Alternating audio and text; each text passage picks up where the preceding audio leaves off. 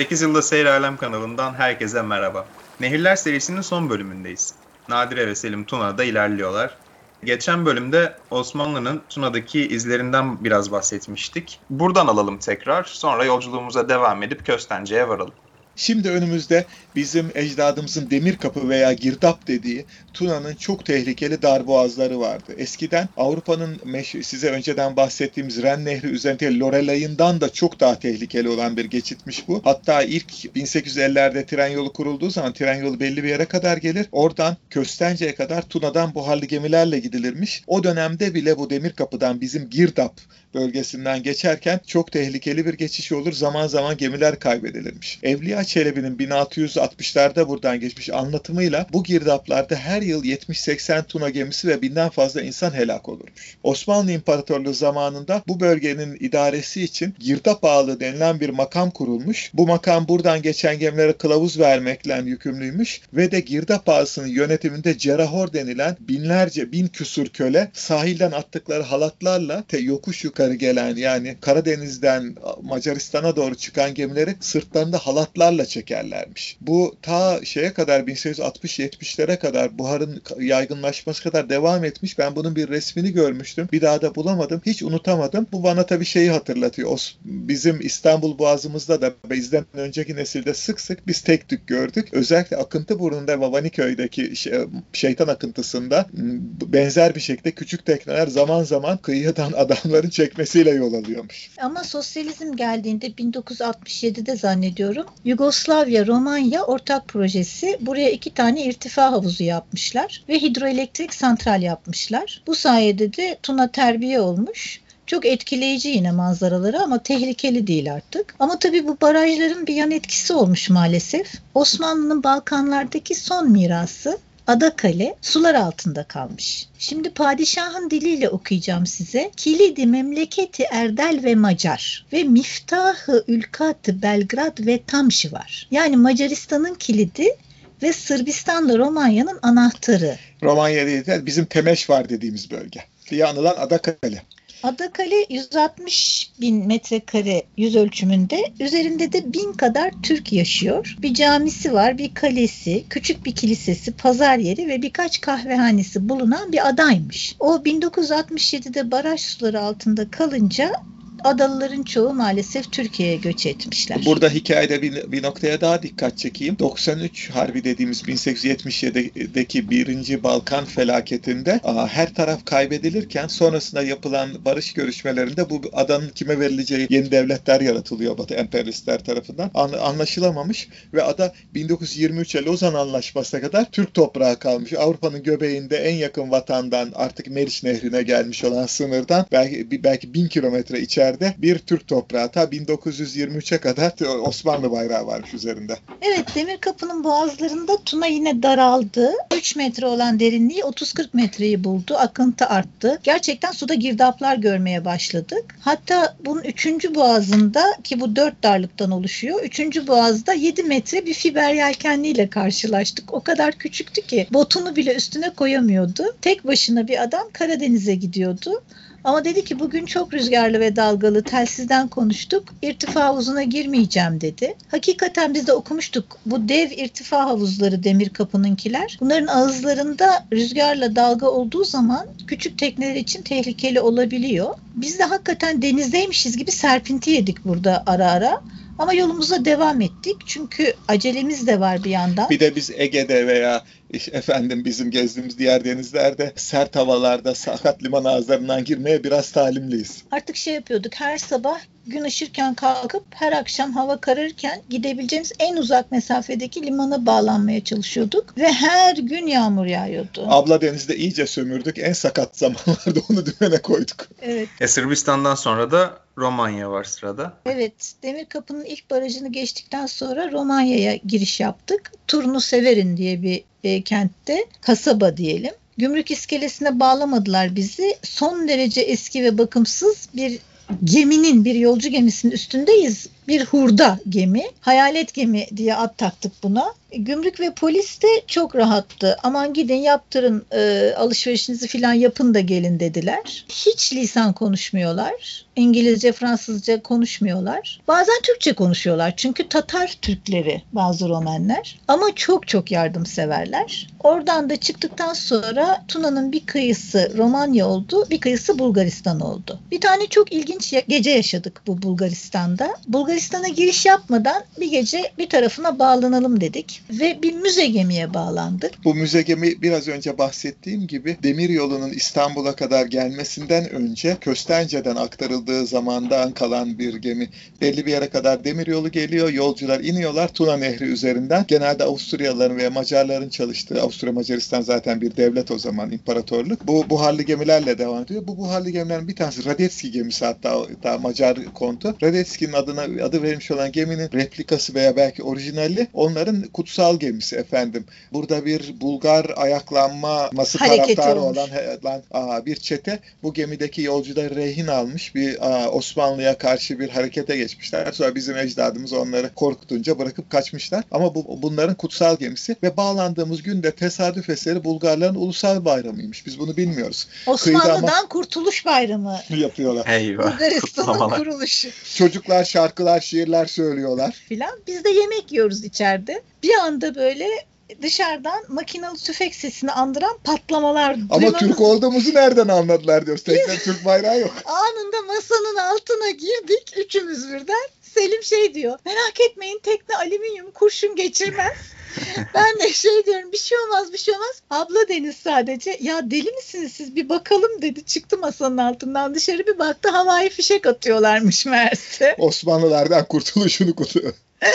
Biz o kadar böyle havaya girmişiz ki bizi ateş ediyorlar zannettik. Sonra havai fişekleri izledik. Çok çok güzeldi. O geceyi de öyle ilginç bir gece yaşadık. Peki nasıl buldunuz buraları? Yani Romanya'yı, Bulgaristan'ı. Çok sefildi, çok perişandı. Özellikle büyük şehirlerinden uzak kaldığın zaman bu nehir kıyısındaki kasabalarını gördüğün zaman inanamıyorsun Avrupa Birliği'nin, Avrupa topluluğunun içinde olduğuna. E, gerçekten demin de söylediğim gibi 2. Dünya Savaşı dün bitmiş zannedersin. İnsanlar aç, sokak köpekleri aç. Artık yolculuğun bitimine gün sayıyoruz kötü hava var. Bir de görmeyi hevesle beklediğimiz Osmanlı kalıntılarının içinde bulunduğu durum, o halleri, o şehirlerin perişan hali moralimizi bozuyor. Belki hava biraz güzel olsaydı, daha az yorgun olsaydık Tuna'nın o Amazonvari hali hoşumuza giderdi. Denizi burada mı indirdiniz? Zar zor. Giorgia diye bir kentte taksi bulup güvenilir bir taksi şoförüyle kızımızı emanet edip Bükreş'e havaalanına yolladık. Ondan sonra bir de iki başımıza da kaldık. Çok yardım etmişti. O zor dönemleri aa, hiç şikayet etmeden uzun saatler dümen tutup atlatıp bizi rahatlatmıştı. Sonra gülüşüp oynayıp güzel yemekler pi- pişirderdi annenler. Bir de burada Tuna biraz daha değişti. Sığlıklar daha düzensiz. Nehirdeki dip tarayan gemiler daha sefil perişan ve mavnalar değişti.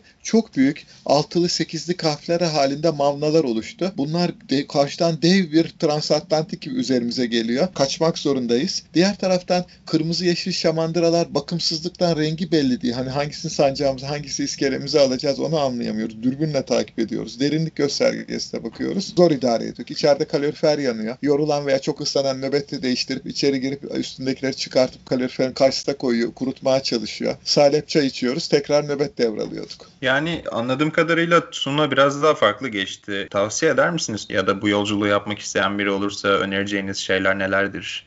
Aslında Tuna Nehri'ne yelkenliyle girmek hiç kimseye tavsiye edilecek bir macera değil.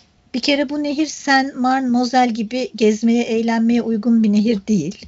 Macaristan'dan sonra özellikle nehrin kenarında hayat yok. İnsanlar yok, piknik yapmıyorlar, kuşlar yok. Nehir geniş ama sığlıkları çok. Demin söylediği gibi Selim'in dubaları anlayamıyorsun. Neresinden geçmen gerektiğini anlamıyorsun. Sığlıklar her an yer değiştiriyor. Güncel bilgiyi ancak mavna kaptanlarıyla konuşarak almak mümkün. E çok şiddetli akıntı var. Onun üzerinde kürek çekmek, kano yapmak kolay değil. Bu nehre Avrupa'nın Amazonu diyorlar ve bazen 2-3 saat yol alıp hiçbir insan hatta hayvan veya hiçbir tekne görmeden girebilmek mümkün. Özellikle Macaristan'dan sonra Tuna geçişi tam bir macera oluyor. Pervane hasar görse ya da motor arıza yapsa tekneyi kurtarmak çok zor. Tabii yaz aylarında hava sıcakken, güneşliyken o ıssız kıyıların yeşil cennetlere dönüşeceği doğru, o aşikar. Eğer çok doğaya hayransan yan kollarından birine demir atıp balık tutup kafa dinlersin. Haftalar geçirebilirsin tamamen kendi başına. Ama çevredeki kentlerin harabe halleri, insanların fakirliği, hayvanların perişanlığı seni etkilemiyorsa güzel bu. Bir de teknen sağlamsa o zaman ilginç bir macera olabilir ancak. Ee, geldiniz Silistre'ye değil mi? Silistre artık önümüzdeki son a, ismi bizim için bir şey ifade eden Osmanlı kentiydi. Burada a, bundan önce efendim Rusçuk'tan, Rusçuk Ayağı'nın kentinden geçtik. 1807 miydi? Meşhur 3. 2. Selim'i, 3. Selim'i pardon kurtarmaya gelen Osmanlı ordusunun çıktığı yer. Ondan önce Belgrad'dan geçtik. Hep işte şarkılarda, türkülerde hiçbir tanesi bize cazip görünmemişti. Ehbari Namık Kemal'in Vatan Yav silsilesinde duralım da bir Osmanlı toprağı görelim, bir ayak basalım diyorduk ama kentin önüne geldiğimizde o kadar perişan görüntü vardı ki eski çirkin binalar, bağlanacak bir iskele de bulamadık. Birbirimize baktık. Ben annene Vatan Yav Silistresi diye sordum. Ben de vatan diye cevap ettim. bir an önce yola devam ettik. Hiç durmadan Karadeniz'de artık çok az yol kalmıştı. Evet, Çernova'da, Çernova'da Karasu demek. Oraya geldik. Orada Karadeniz'e giden yol ikiye ayrılıyor. Bir tanesi Tuna Deltası'na gidip orada Sulina'dan kavuşmak mümkün. Ama orası uzun ve sığlıkları daha da fazla. Bir de Çavuşesku döneminde kazılan bir kanal var. Köstence kanalı. Bu yolu çok kısaltıyor. 240 kilometre daha kısa ve Köstence Limanı'nın içine direkt çıkıyorsun ama paralı. Romenlerle anlaşarak nehir kıyısında böyle yarısı iskele yarısı ev olan dubalar üzerinde yaşayan Radu, eski polis Radu ve eşini bulduk. Tamamen tesadüfen tanıştık. Bu adam acenta, mamlı acenta sen. Bizim gibi küçük tekne zaten hiç orada yok. Tabii. Ben kıyıya çıkmıştım. Şöyle ne var ne yok bir kolaçan edeyim diye. Selim beni kıyıya çıkarttı ama kendi duracak bir yer bulamadı. Dolanıyor. Gittim. Tam işte orada debeleniyorum polisle anlaşmaya. Radu ortaya çıktı. Ben dedi sana yardım ederim. Sen gel dedi. Benim iskele şurada. Oraya bağla dedi. Meğer onun eviymiş. Geri döndüm Selim'e. Tekneye bindim. Gittik Radu'nun önüne bağlan, üstüne bağlandık. O gümrük polisini çağırdı. Ondan sonra bizim için randevu aldı kanaldan. Geçiş sırası aldı. Çünkü küçük tekneleri öyle her zaman bırakmıyorlar. Sabahtan geçmek gerekiyor. Rado olmasaydı o koca mavnaların arasında demir atacak yer aramamız gerekecekti. Allah razı olsun. Akşam da çok güzel sohbetler ettik. Dünyayı kurtardık. Ülkelerimizi kurtardık Rado'nun şarabı eşliğinde. Ertesi gün bir uyandık. Önce baktık aman Allah sis var. Radun evini bile görmüyoruz. Sonra sis yavaş yavaş açıldı. Kanal bizi çağırdı. Biz de işte kanalın ilk irtifa havuzuna girdik. Duvardaki babalara bağlanıp kapandık. Hazırız diye son bir defa bağırdık. Kapandı kapılar. Tunamız arkada kaldı. Kanala çıktık. Bu kanalın hikayesi ilginç. Sosyalizm zamanında da 40 bin gencin de katılımıyla kazılan ama tabii bu gençlerin yaptığı, el işiyle yaptığı bir şey değil. Çünkü büyük bir kanal. Muhtemelen büyük endüstriyel makinalarla 64 kilometre uzunluğunda bir kanal bu. Ve bu kanal gemi trafiği için çok önemli. Tuna'nın sığlıklarından, daha hep bahsettiğim sığlıklarından, deltasından geçmek yerine direkt olarak Köstence'deki dev bir ticari limana Karadeniz'de bilmiyorum başka var mıdır? Türkiye'de o boyutta bir liman ben görmedim. Dev bir ticari limana bağlanıyor. Üzerinde bir de şey var. Sosyalist realizm denilen bir sanat akımı vardı bir zamanlar. O akımla yapılmış dev duvar panoları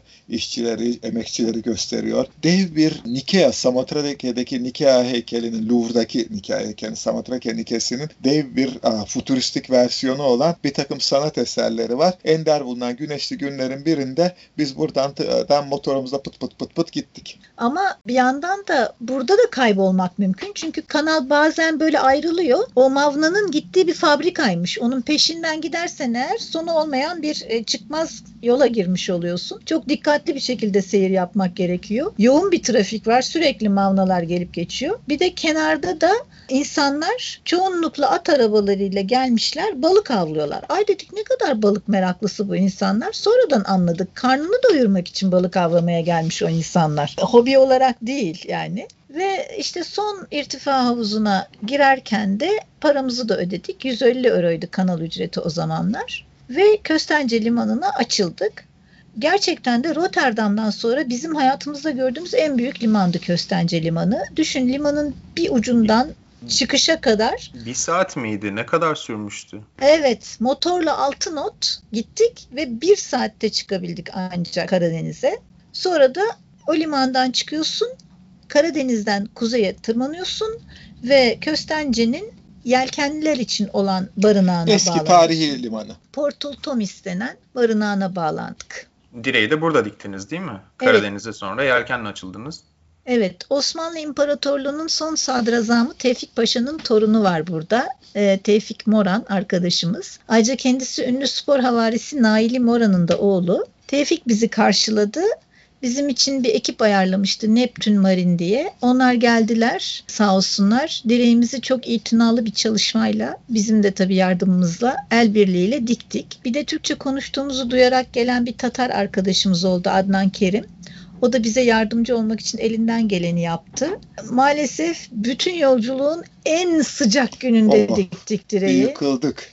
Yani hep yağmur yağdı, hep soğuk oldu diye şikayet ediyoruz. Son gün direği dikeceğiz, deli gibi çalışacağız. 40 derece falan sıcak yaptı köstence. Ve de boğuk bir hava yaptı böyle bir siklonik hava yaptı. Yani üzerimizden şakır şakır teller akıyor. Adamlar da çalışıyor. Annenle ben işte şeyimiz rollerlarımız kırılmasınlar dik, direkt dikilirken diyerekten adamlar böyle bir işe alışkın değiller. Bu orası için çok büyük bir olay. Rollerlar üzerinden sarkıyor. Alüminyum profiller, elektrik kabloları, telsiz anteni var tepede, ışıklar şudur budur. Deli gibi çalışırken bir taraftan şakır şakır terliyorduk. Neyse akşamüstü keyif bir yelkenli haline gelmişti ama yine de iş bitmemişti. Gece se silyon feneri direkt tepesi ışıkları yanmıyor. Anne bir limandan çıktık. Annem dümen kullanıyor. Ben içeriden kameranın damını açmışım direğin dibinde. Direğe Oradan- çıkan kabloların olduğu yeri açmış. hangisi e, hangisi hangi kabloyu işaretlemiştik önceden ama yine de kolaydı. Orada onları lehimleyip bağlıyorum. Geceliğin seyir ışıklarımız olsun diye. Öyle çıktık. Akıntılardan, trafiklerden, kırmızı yeşil dubalardan, sığlıklardan, ben şloizelerden. E, 61 gün sonra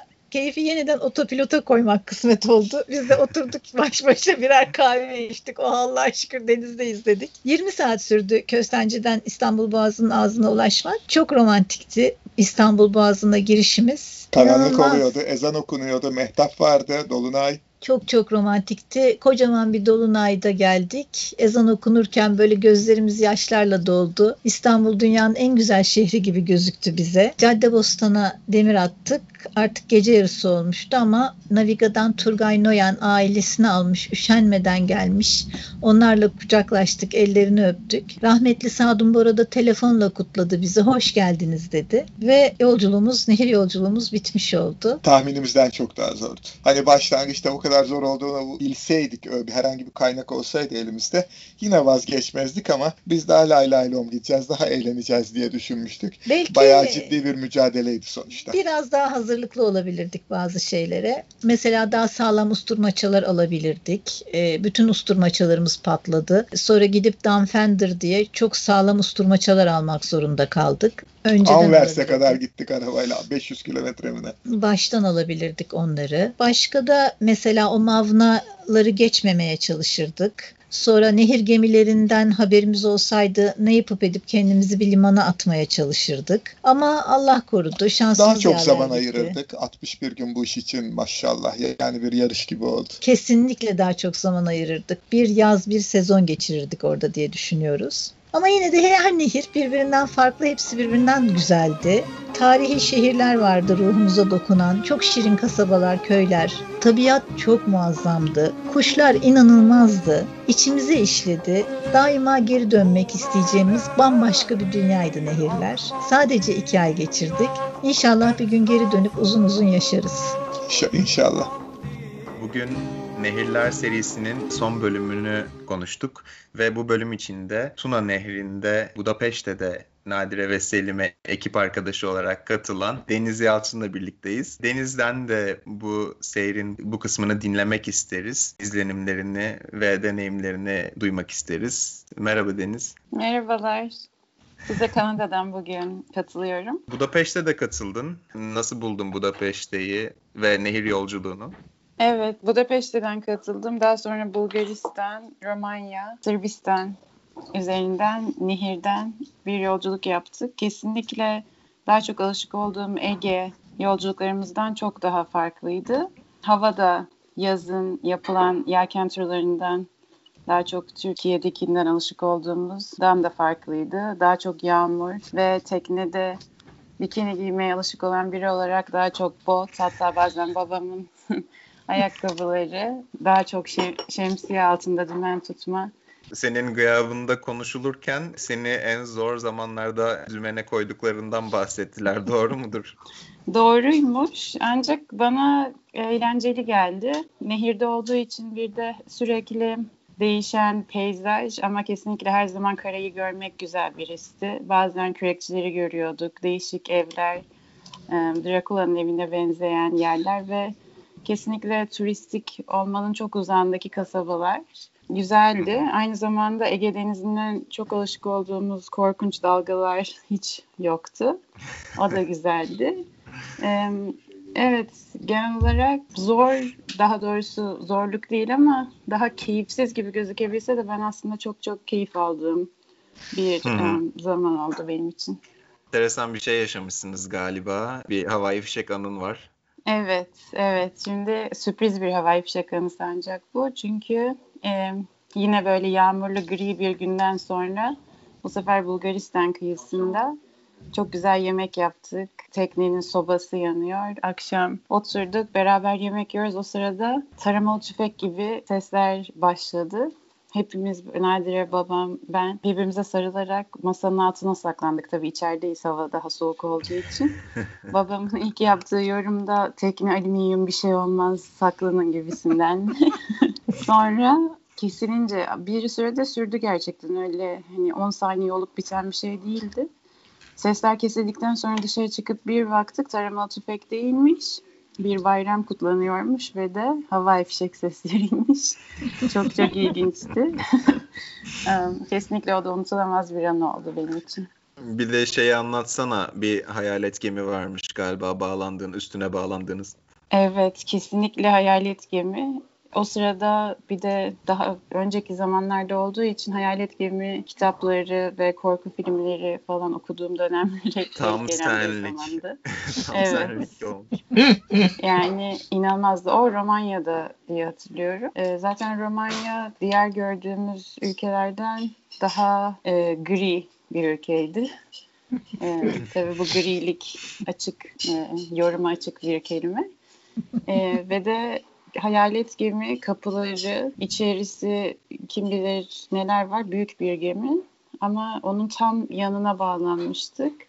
Tabii bizim teknemiz, yelkenli teknemiz yanında küçücük kalmıştı. Ee, o da kesinlikle unutulamaz bir görüntüydü. İçinden geçmek zorundaydınız kızım karaya çıkmak için. Dönerken de tekrar içinden bizim tekne üstüne bağlanmıştık diye hatırlıyorum. Evet. Yanlış mı? Ama deniz hiç karaya çıkmamıştı. yani çabuk olsun. Kesinlikle hayır. 10 gün boyunca hep teknedeydi. Hiç karaya ayak basmadı. Bir kere köpeklerle falan mücadele ettiğiniz beraber. Oo, yo yo yo. Deniz Köpekler. gelirken geldi, giderken de gitti. Hiç karaya. Evet. Romanya'da geri dönmüştüm ama köpekleri kesinlikle hatırlıyorum. Biz ailece köpek çok severiz, kedi köpek. Onlara yemek götürüyordu. Ancak çok fazla köpek ve bir şekilde çok vahşi olmuşlar. O yüzden Çok yani açlar. köpeklere de üzüldük. Evet, çok üzücüydü. O hayalet geminin görüntüsü, Romanya'nın evleri, köpekleri farklı idi gerçekten. Romanya'ya kadar değil mi? Ee, Bükreş'ten döndün sonra. Evet. Yani nasıl buldun genel olarak peki? Yani dediğim gibi böyle bazen kendimizi çok fazla bir balonun içinde yaşıyor gibi görüyor olabiliriz ama aslında bir sürü değişik şartlarda yaşayan insanlar var ve biz hani kendi hayatımızı ona göre yorumlayabiliriz. Bana hiçbir şekilde böyle eziyetli veya kötü gelmedi. Gerçekten hani babam ve Nadire ile mutlu olduğum, işte dediğim gibi dalgalar olmadığı için bir sürü avantajı olan tavla oynamak, kahve, Türk kahvesi içmek ve gerçekten sürekli karayı gö- görebilmek çok ilginçti. Mükemmel görüntüler, manzaralar da vardı. O yüzden belki yolculuğun diğer zamanlarında olsaydım tabii daha çok karşılaştırabilirdim ama benim için aklımda kalan çok pozitif ve ilginç, Hı hı. kesinlikle ilginç bir yolculuktu. Bir daha gidelim bu sefer yoga da yaparız. Evet hem de Kesinlikle seni bu sefer. Fransa'ya, Güney Almanya'ya falan götürelim. Orada her şey çok çok çok güzeldi. Kesinlikle yoga da çok güzel olur nehirde. Yağmurlu nöbetleri sen alırsan sevinirim. Evet, Merak babamın etmeyin. ayakkabıları ve montu ve de bir şemsiye altında. Neden olmasın? Evet. Peki. Çok teşekkürler Deniz katıldığın için. Yolculuğun diğer katıldığın kısımlarında da bekleriz. Yine yorumlarını, izlenimlerini almak için. Çok teşekkürler. Biz de teşekkür ediyoruz. Biz çok teşekkür ediyoruz. İyi geceler. Teşekkürler.